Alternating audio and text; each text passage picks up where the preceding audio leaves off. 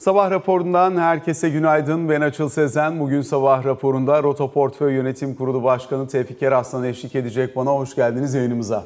Hoş bulduk Açıl Bey. Şimdi genel anlamıyla e, önemli bir haftayı geride bırakıyoruz. Çünkü hem Amerika'dan FED toplantısının sonucunu aldık. Orası 10 toplantı sonra ilk defa faiz artırımı yapmadan geçti. Dün Avrupa Merkez Bankası faizi artırdı. Daha gelebilir dedi ama biraz da bekleyip gözlemlemek isteyeceğini söyledi. Amerika faizi artırmazken daha sonrasında iki tane artırabileceğinin sinyaliyle bıraktı. Tam merkez bankalarının politika hatası yapabilecekleri yani süreç belliyken sorun yok da sürecin zirvesini nerede benimseyecekleri ondan sonrası için piyasanın fiyatlaması, algısı ve enflasyonun sönümlenmesi için yeterli noktada olup olmadıkları gibi soru işaretleri var. O yüzden bu hafta önemliydi. Diğer taraftan bugün Sabah TÜSİAD Yüksek İstişare Kurulu toplantısı var. Bu toplantıya Hazine ve Maliye Bakanı Mehmet Şimşek'in katılmasını bekliyoruz. Öğleden sonra saat 14.30 itibariyle banka genel müdürleriyle bir görüşmesi olacağını biliyoruz. Dolayısıyla biraz daha yeni ekonomi yönetiminin bakış açısının paydaşlarla daha fazla paylaşıldığı, en azından biraz daha kerteriz alınabilecek belli noktalar var mı bu görüşlerin içerisinde? Eylem ve yol planına dair bir detay duyabilir miyiz? Bunlara da baktığımız bir hafta. Dolayısıyla aslında dediğimiz gibi buraya kadar önemliydi. Buradan sonrası da önemli olacak. bir hızlıca e, uluslararası piyasayı derleyip toplayıp sonra Türkiye ile devam edelim. Oraya daha geniş vakit ayıracağız. Önce Fed'in pas geçmesi arkasından iki faiz artırımı daha yapabileceğine dair sinyal ve dünkü Avrupa Merkez Bankası mesajlarını nasıl görürsünüz? Piyasa etkisi adına iştahı, risk iştahını kuvvetlendirici mi yoksa bir miktar daha bekletici mi bulursunuz? Ee, ilk önce Fed'le başlayalım istersen. Ee, Fed tarafında e, daha önceden piyasanın beklentisi e, Fed'in e, büyük oranda bu toplantıda faiz arttırımına gitmeyeceği yönündeydi. Dolayısıyla alınan karar piyasa beklentisiyle son derece uyumluydu. Orada herhangi bir sürpriz yoktu. Sürpriz olan şey ise bundan sonra Fed'in ileriye nasıl baktığını ilişkin açıklamalarında oldu. Orada çok ciddi bir şekilde e, Fed'in ileriye dönük olarak daha şahinleştiğini gördük, duyduk. Dolayısıyla da e, piyasa burada bir sürprizle karşılaştı. Fed dedi ki önümüzdeki dönemde benim üyelerimin çoğunluğu önümüzdeki dönem için iki tane daha 0.25'lik faiz arttırımı bekliyor. Çünkü işler istediğim gibi gitmiyor. Özellikle e, büyüme tarafında e, e, daha yüksek bir patikada ekonominin büyüyeceğine yönelik bir öngörümüz var. İşsizlik rakamları biz 4,5'a doğru gitmesini bekliyorduk ama oraya kadar gitmeyecek diye gözlemliyoruz. Diğer taraftan enflasyonun da istediğimiz hızda inmeyeceğini görüyoruz. O nedenle de biz bu yıl içerisinde yani 2023'te iki tane daha 0.25'lik faiz artışı yapmayı düşünüyoruz diyor e, para kurulu üyeleri Amerika'da. Öyle olunca piyasa bir anda e, bir kere e, şok oldu diyebiliriz. Çünkü madem ileriye dönük olarak böyle bir beklentiniz var, ilave sıkılaştırma ihtiyacı görüyorsunuz. Bugün neden durduğunuz sorusunun yanıtını da Powell'a sorduğumuz zaman bunun yanıtını da çok net alamadık. Dolayısıyla burada Fed'in e, bir e, iletişim e, hatasının olduğunu uzmanların tamamı ifade ediyorlar. Umarız bu iletişim hatası önümüzdeki dönemde çok daha büyük bedellerle düzeltilmek zorunda kalmaz. Çünkü Fed'in geçmiş dönemde de oldukça büyük hataları olmuştu. Burada tabii ki neden durduğunun sorusunu yanıtlarken de bir güçlük var. Çünkü Fed kendiliğinden şunu söylemişti. Ben bundan sonra veri bağlı olarak hareket edeceğim. E, veri senin istediğin gibi e, e, e, ya da bu şekilde gelince neden veriye bağlı olarak hareket etmediğin sorusunu o zaman uzmanlar yanıtlayamıyorlar ama baktığımız zaman detaylara özellikle bankacılık sektöründe geçtiğimiz günlerde Amerika'da sıkıntılar olduğunu görmüştük. E, o nedenle e, alınan şu ana kadar alınan faiz arttırım kararlarının daha büyük bankacılık alanında, finans alanında sıkıntıya neden e, olmayacağından emin olmak istiyorlar diye ben e, anladım. Onunla e, bağlı olarak da Temmuz ayında ya faiz arttırımlarına ifade ettikleri gibi devam edecekler ya da orada da durmayı tercih edecekler. Ama son verilere baktığımız zaman gördüğümüz şey %70'e yakın olasılıkla faizin 0.25 Temmuz ayında artacağı piyasalar tarafından öngörülüyor. ECB ile ilgili sen söylemiştin. Avrupa'da işler beklenenden iyi gidiyor. Çok kötü bir durgunluk bekliyorlardı, o olmadı. Enerji ile ilgili çok büyük bir sıkıntı gelir deniyordu. Onu bir şekilde yönetmeyi başardılar. Dolayısıyla önümüzdeki günlerde FED de böyle söyledikten sonra ECB tarafında da ilave faiz arttırımlarının gelmesini ben daha yüksek olasılık görüyorum açıl. Peki dönelim şimdi biraz daha bizim tarafa. Türkiye'de dediğimiz gibi e, yeni ekonomi yönetiminden beklentiler var. Dün itibariyle Cumhurbaşkanı Yardımcısı Cevdet Yılmaz'ın da açıklamaları oldu. Birkaç temel konuda verdiği önemli mesajlar var. Önce bir onunla başlayalım isterseniz. Çünkü kur korumalı mevduatın akıbeti nasıl olacağı, uzatılıp uzatılmayacağı gibi tartışmalar vardı ama e, ne kadar tartışılmaya değer onu da sorgulamak lazım. Yani bugün ben bitiriyorum diyemezsiniz. Yıl sonunda da bitiriyorum diyemezsiniz. Dolayısıyla hani bir miktar uzaması gerekecek. Kademe kademe zaman içinde TL cazip hale geldikçe sönümlenecektir diye bekliyorduk hepimiz. Böyle de konuşuyorduk. Sayın Yılmaz da aynı şeyi söylemiş. Var mı KKM konusunda söyleyeceğiniz? Yani KKM konusu e, işin e, açıkçası artık bir politik tercih olmaktan, ondan sonra ekonomi yönetiminin hemen bugün sonlandırayım ya da devam ettireyim, bu benim politika setimin içerisinde esneklikle karar verebileceğim e, bir iş diyebileceği bir konu olmaktan çıktı. Dolayısıyla oradaki zorunluluğu dikkate alarak karar alınması gerekiyor. Herhalde KKM ile ilgili en uygun cümle tedrici olarak zaman içerisinde azaltılması yönünde olacaktır. Burada zaten hani rakamsal olarak baktığımızda mesela dün e, hani döviz cinsinden bakınca KKM işte 120 milyar dolardan 110 milyar dolara düştü gibi görünüyor. Fakat tabii geçen haftaki kur hareketi TL cinsi hesaplanıp dövize dönüldüğü için aradaki fark yüksek fark ondan kaynaklanıyor. Yoksa TL cinsinden zaten orası yükselmeye devam ediyor gibi görünüyor. Onu da söylemiş olalım. Tabii ki yani orada e, rakam 15 milyar dolar azalmış gibi e, görünüyor ama bunun işte e, yükselişi önümüzdeki dönemde vadesi geldiğinde çoğunluğu Merkez Bankası tarafından bir kısmı da bütçe üzerinden karşılanacak bir gider olarak da karşımızda fatura olarak da duruyor. Peki bununla birlikte tabii e, ekonomi yönetiminden ana beklenti faiz patikasının, faiz politikasının nasıl şekilleneceği. E, bu bağlamda da önümüzdeki Perşembe günkü Merkez Bankası toplantısı önemli. E, oradan sizin beklentiniz nedir? Öncelikle bir onu sorayım. Ee, yani istersen orada önümüzdeki dönemde ben e, politika seti e, içerisinde hangi konu başlıklarında açıklama e, bekliyorum ya da kamuoyu neler duymak istiyor onunla ilgili bir ana başlıkları söyleyelim. Ondan sonra da faizle ilgili sorduğun Olur. soruya da gelmek istiyorum. Bir kere önümüzdeki dönemde piyasaların merak ettiği dört tane ana konu başlığı var diye görüyorum ben. Bir tanesi faiz başlığı. Bununla ilgili zaten konuşuyor olacağız. Diğeri kurun e, şu andaki e, seviyesiyle ilgili ne düşünüyor e, kamu yönetimi, ekonomi yönetimi? Buna ilgili yanıtının cevabı aranıyor olacak. Diğeri makro ihtiyati tedbirler konu başlığında neler yapılması düşünülüyor ve son olarak da genelde bütçe, özelde vergi ile ilgili hangi alanlarda değişim bekleniyor? Bunun dördünü birden değerlendirdikten sonra her bir parametrenin ne olacağını söyleyebilmek e, daha isabetli olur. Eğer bu dört konu başlığında da çok tutarlı birbirini destekleyen e, kararlar alınabilirse her bir alt konu başlığında çok da e, can acıtıcı tedbirler almadan istediğimiz istikamete gidebilme imkanı var. Dolayısıyla da bir harmoniye, koordinasyona ve bunların birbiriyle uyumuna çok büyük ihtiyaç var ağır fatura ödememek için. Şimdi hepsinin üzerinden sırayla gidelim. Önce bir faiz politikası. Öncelikle önümüzdeki haftaya dair bir bugün Mehmet Şimşek'ten bir şey duymayı bekler misiniz? Yani faiz kararına ya da seviyesine dönük bir şey tabii ki beklemiyoruz duymayı ama en azından yaklaşımın ne olacağına dair. Çünkü Cumhurbaşkanı'ndan duyduk. Dün Cevdet Bey de hani bunlar Merkez Bankası'nın kullanacağı teknik araçlar önemli olan hükümette uyumlu bir hedef içerisinde Merkez Bankası'nın gitmesidir dedi. Dolayısıyla Sayın Şimşek'ten ne duymayı beklersiniz faiz e, politikasına ilişkin? Sonra da önümüzdeki perşembe ne beklersiniz? E, öncelikle e, doğrudan faizin seviyesine yönelik olarak hiçbir şey söylemesini beklemem.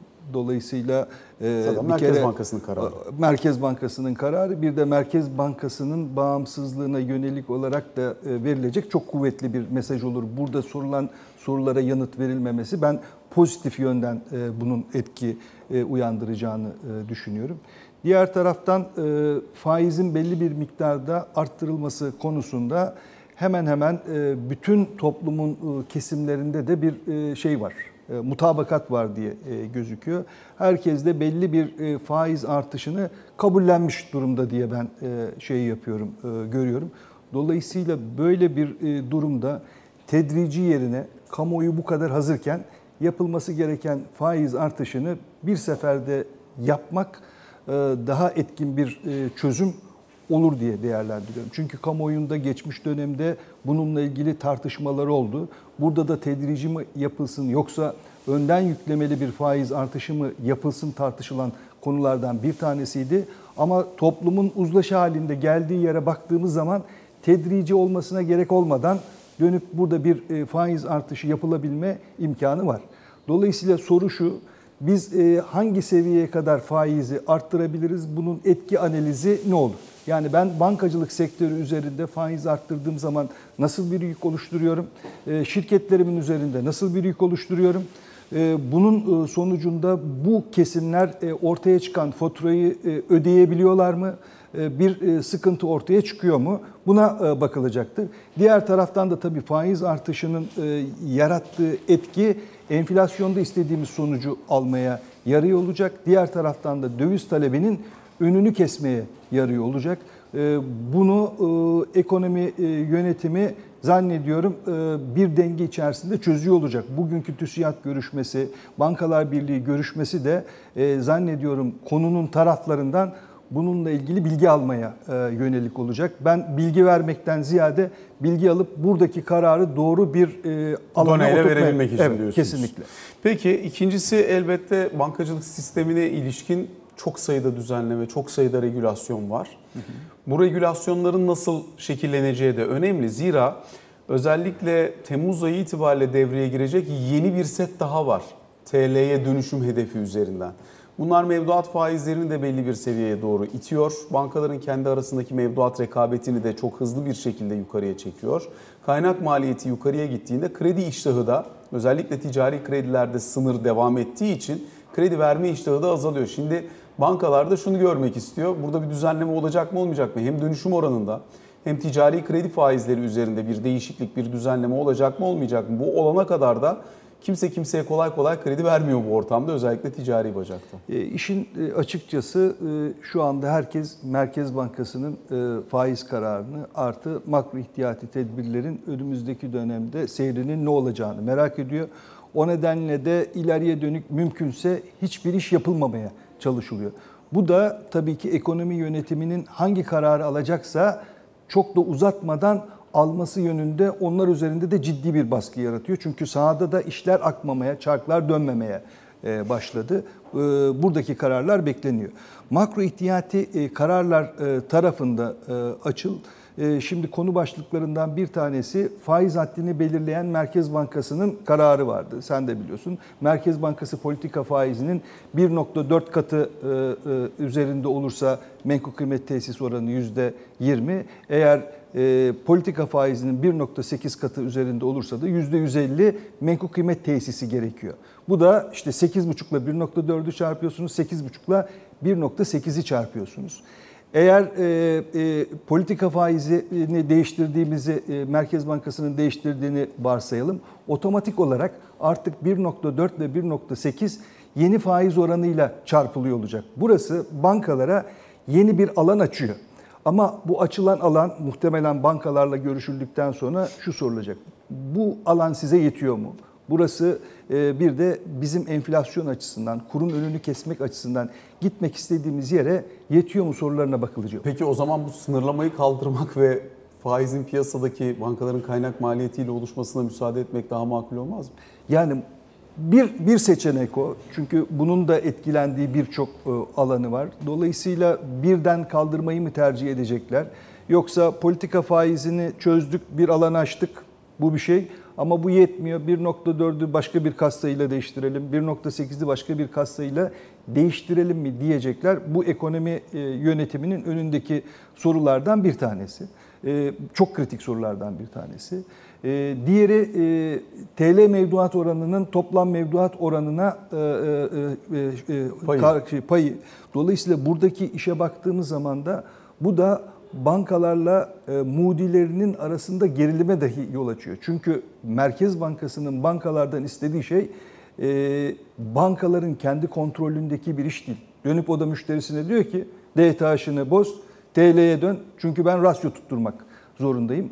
Bunu bazı müşteriler anlayışla karşılıyor bankalar açısından bazılarında ise problem yaratabiliyor. Dolayısıyla buradaki dönüşüm rasyosu, TL mevduat oranı gibi konularda da bankalarının e, önünün açılması gerekiyor. Ama bunu yaparken de işte KKM ne olacak e, sorusu da ciddi bir soru. Dolayısıyla burada da ne yapılacaksa zannediyorum tedrici olarak önümüzdeki dönemde yapılıyor olacak. Peki son birkaç gündür bir miktar efektif girişi olduğunu anlıyoruz piyasaya. Dolayısıyla hani eğer burası ekonomi politikalarına güven olursa o efektif girişiyle birlikte biraz daha makul, biraz daha akışkan bir döviz piyasası getirebilir mi beraberinde? İkinci olarak da özellikle tabii şu anda iki tane önemli unsur var. Bir tanesi insanların yeniden döviz almasını engelleyebilmek. İkincisi eğer ikna edebiliyorsak bir süre sonra dövizlerini bozup gerçekten yüksek olan Türk lirası faizine yönlendirebilmek. O yüzden yol haritasının belirginleşmesi buradaki e, yatırımcı davranışı açısından çok belirleyici olacak.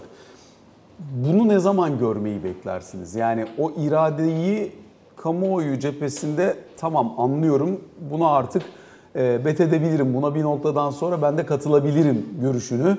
Ne noktada neyi gördükten sonra alabiliriz?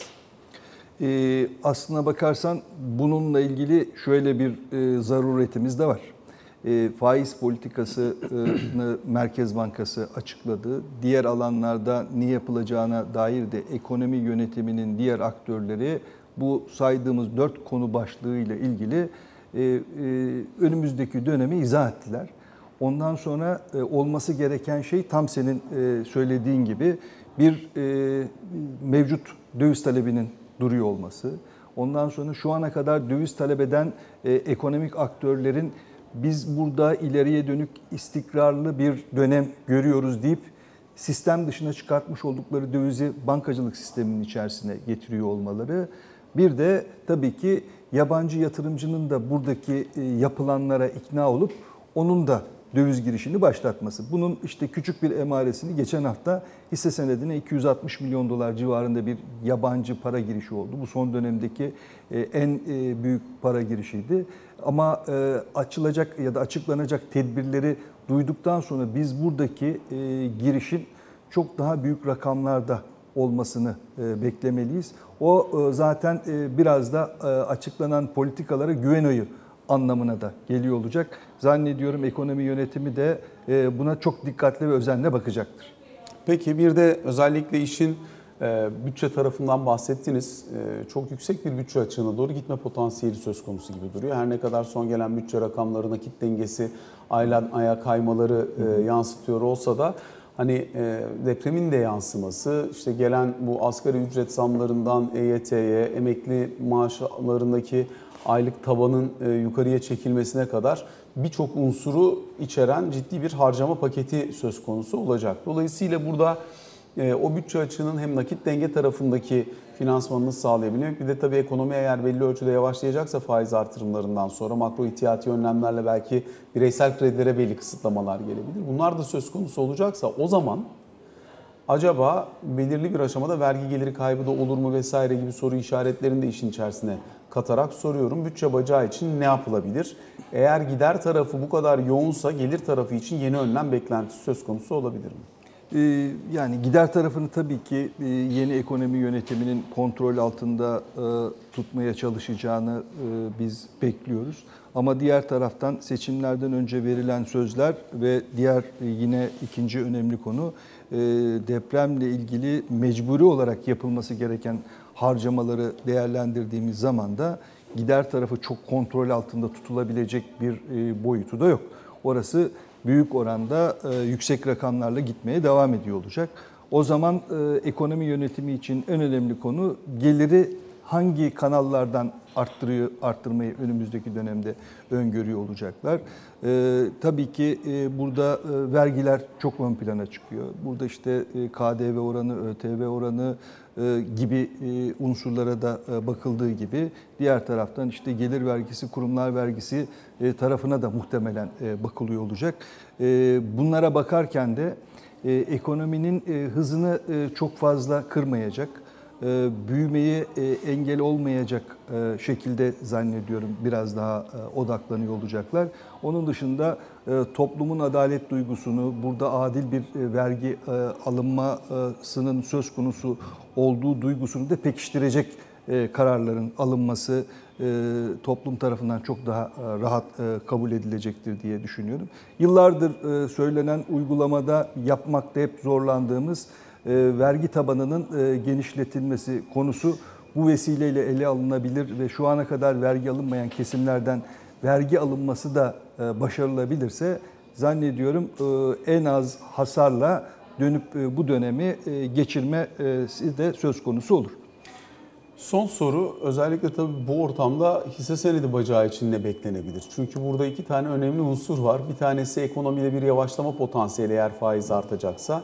Ama bu bugünden yarına olmayabilir. Biraz gecikmeli etkilerini gözlemleyebiliriz. Hı hı. İkincisi yani dolayısıyla reel sektör sanayi şirketleri ve bunların üzerindeki iç tüketime dönük şirketlerin potansiyeli üzerindeki etkisi. İki, e, Diğer taraftan da özellikle bankaların bilançolarının bir para politikası aracı olarak kullanılmaktan çıkarılması acaba bankalar için hayırlı mıdır değil midir sorusu var. Bir de öbür tarafta %45 faiz var.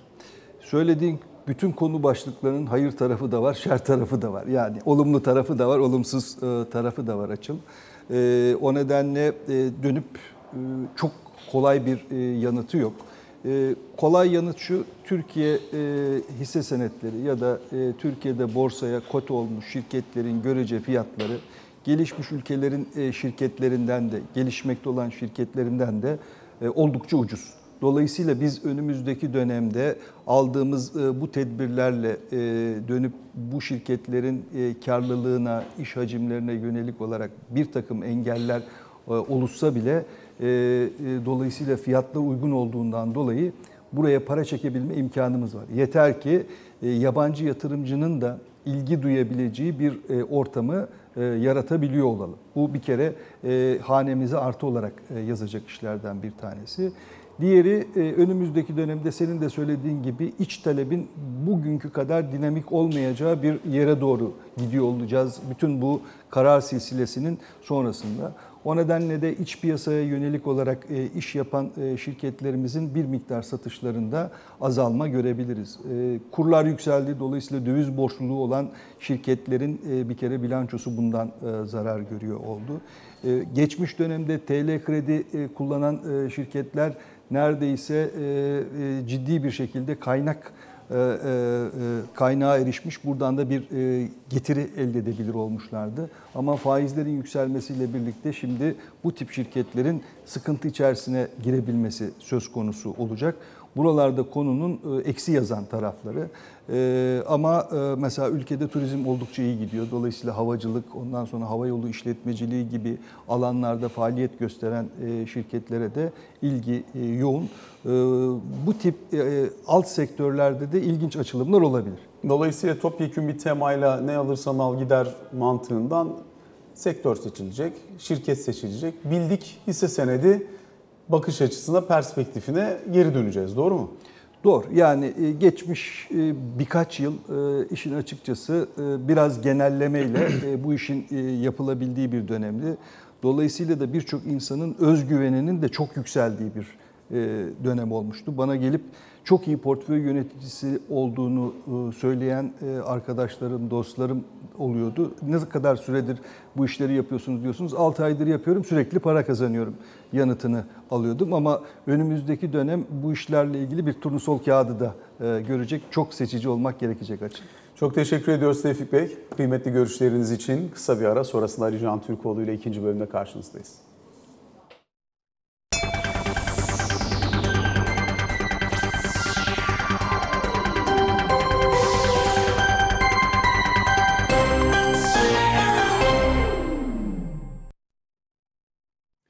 Sabah raporunun ikinci bölümünde Ali Can Türkoğlu ile birlikteyiz. Ali Can günaydın. Günaydın. Birincisi dünkü Ekonomi Koordinasyon Kurulu toplantısı. Diğer taraftan işte bugün Mehmet Şimşek'in temasları. Dün Cumhurbaşkanı Yardımcısı Cevdet Yılmaz'ın ekonomiye dair açıklamaları. Aslında hepsi birbiriyle bağlantılı. Yani dünkü Ekonomi Koordinasyon Kurulu toplantısında e, özellikle vurgulanan bir takım ana unsurlar var. Yani mesela ortak akıl.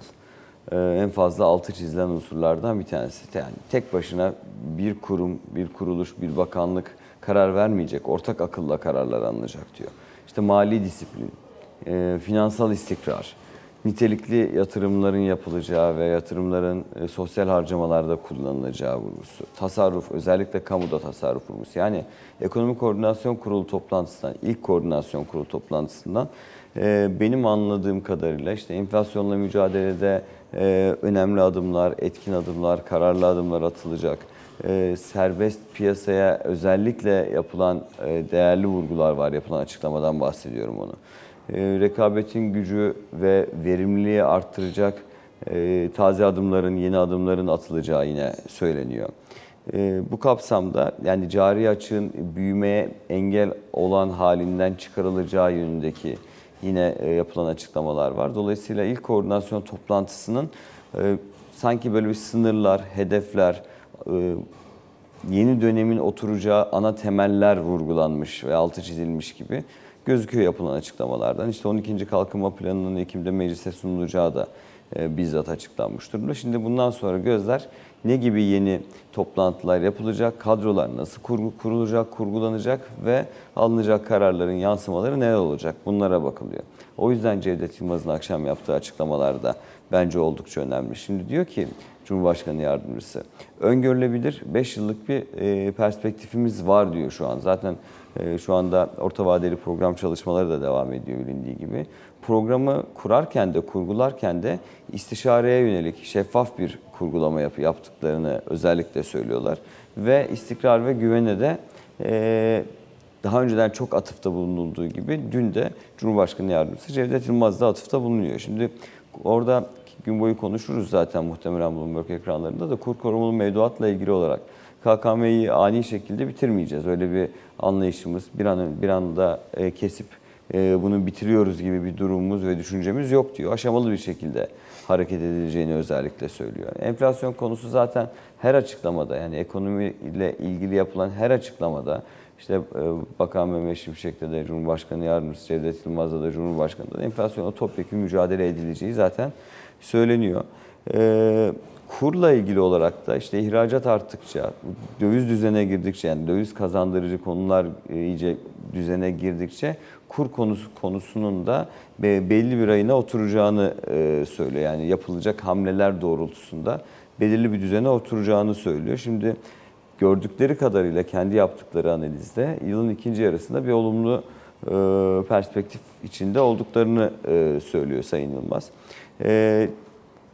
özellikle bir takım politikalarla düşüşü destekleyeceklerini yani şu anda öngördükleri düşüşü özellikle ikinci yarıda uygulanacak bazı politikalarla hayata geçecek yeni hamlelerle destekleyeceklerini söylüyor. Üretimi artırıcı politikaları destek verdikçe de e, kurun daha dengeli bir noktada oluşacağını ifade ediyor. Dediğim gibi şimdi işte bugün Sayın Mehmet Şimşek'in sabah TÜSİAD'la daha sonrasında e, Bankalar Birliği e, üyeleriyle toplantısı var. Dolayısıyla buradan çıkacak e, her mesaj, kamuoyuna, piyasaya verecek her verilecek her türlü rahatlatıcı mesajda hükümetin şu anda öngördüğü ve düzelme grafiğine sokulacağını ifade ettiği politikalara destek olarak değerlendirilebilir. Şimdi Cumhurbaşkanı'nın Bakü dönüşü yapmış olduğu açıklamalarda ekonomi yönetimini kendisi öyle düşünmese bile belirli kararlar almada serbest bıraktığı ve o kararlar konusunda kendisinin de bunu kabullendiği yönündeki ilk yapılan açıklamalar var. Sonrasında yapılan